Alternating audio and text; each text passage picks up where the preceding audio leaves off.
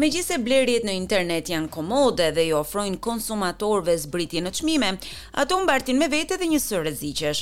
E ndërsa shumica e pikave të shitjes veprojnë sipas ligjit, në internet ka dhe mashtrues të cilët e shfrytëzojnë rritjen e blerjeve online për të sulmuar konsumatorët.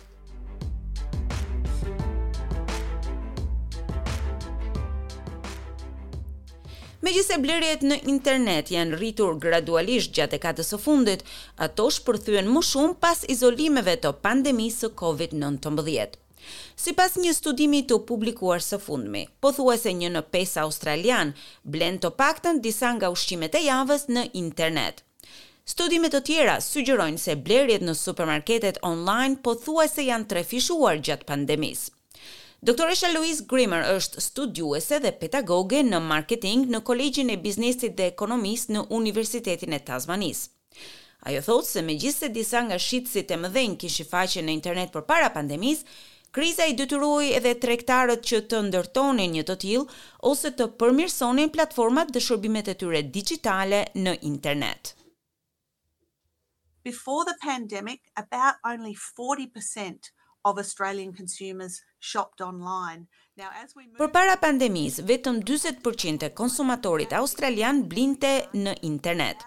E ndërsa kaluan pandeminë, njerëzve u duhej të blinin online më shumë. Kjo shifër tani është rritur ndjeshëm në rreth pesëdhjetë për qind e konsumatorëve, të cilët bëjnë rregullisht blerje online. Doktoresha Grimmer shpjegon se shumë shitës me pakicë filluan të krijonin faqe në internet për të ofruar më shumë shërbime për klientët, për të dhënë më shumë oferta e në përgjithësi për t'i mbijetuar krizës së Covid nëntëmbëdhjetë.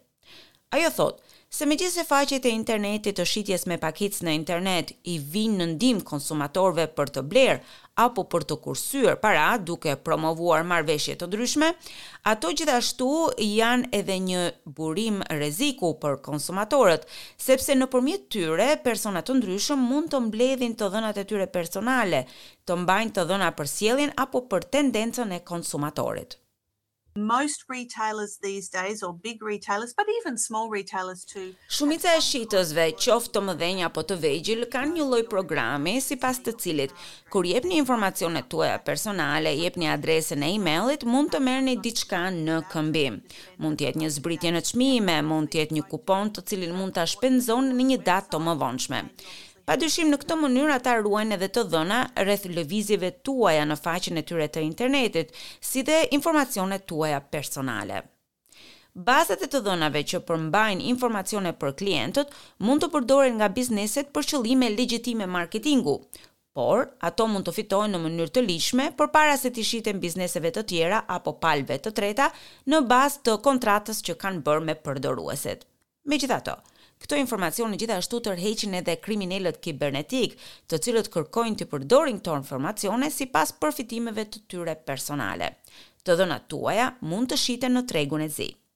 Një rrezik tjetër i blerjeve në internet është edhe përballja me dyqane false të ngritura nga mashtruesit për të vjedhur paratë ose identitetin e konsumatorit. Zëvendëskryetarja e Komisionit Australian të Konkurrencës dhe Konsumatorit, Delia Rickard, shpjegon. But what scammers do these days is they set up fake shops either on the internet, Ajo që bëjnë mashtruesit tani është që të krijojnë dyqane fallso në internet ose më shpesh në mediat sociale.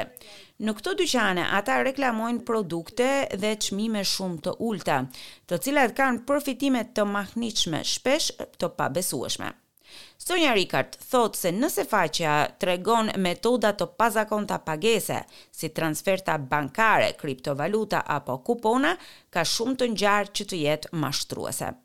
Ajo paralajmëron se mashtruesit në internet imitojnë rregullisht bizneset australiane për të krijuar besueshmëri. Often they will pretend to be an Australian company, use an Australian ABN number.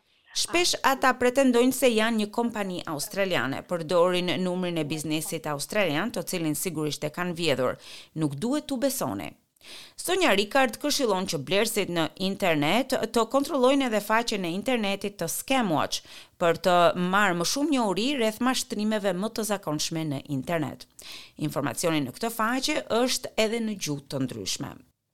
In addition to the Scamwatch website, Përveç faqes së internetit Scamwatch, ne kemi edhe një produkt tjetër të quajtur Libri i Vogël i Zi i Mashtrimeve, i cili është përkthyer në 10 gjuhë të ndryshme.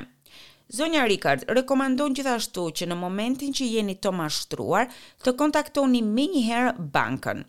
Ajo shton se rritja e kërkesës ka ngadalësuar edhe shpërndarjen e produkteve.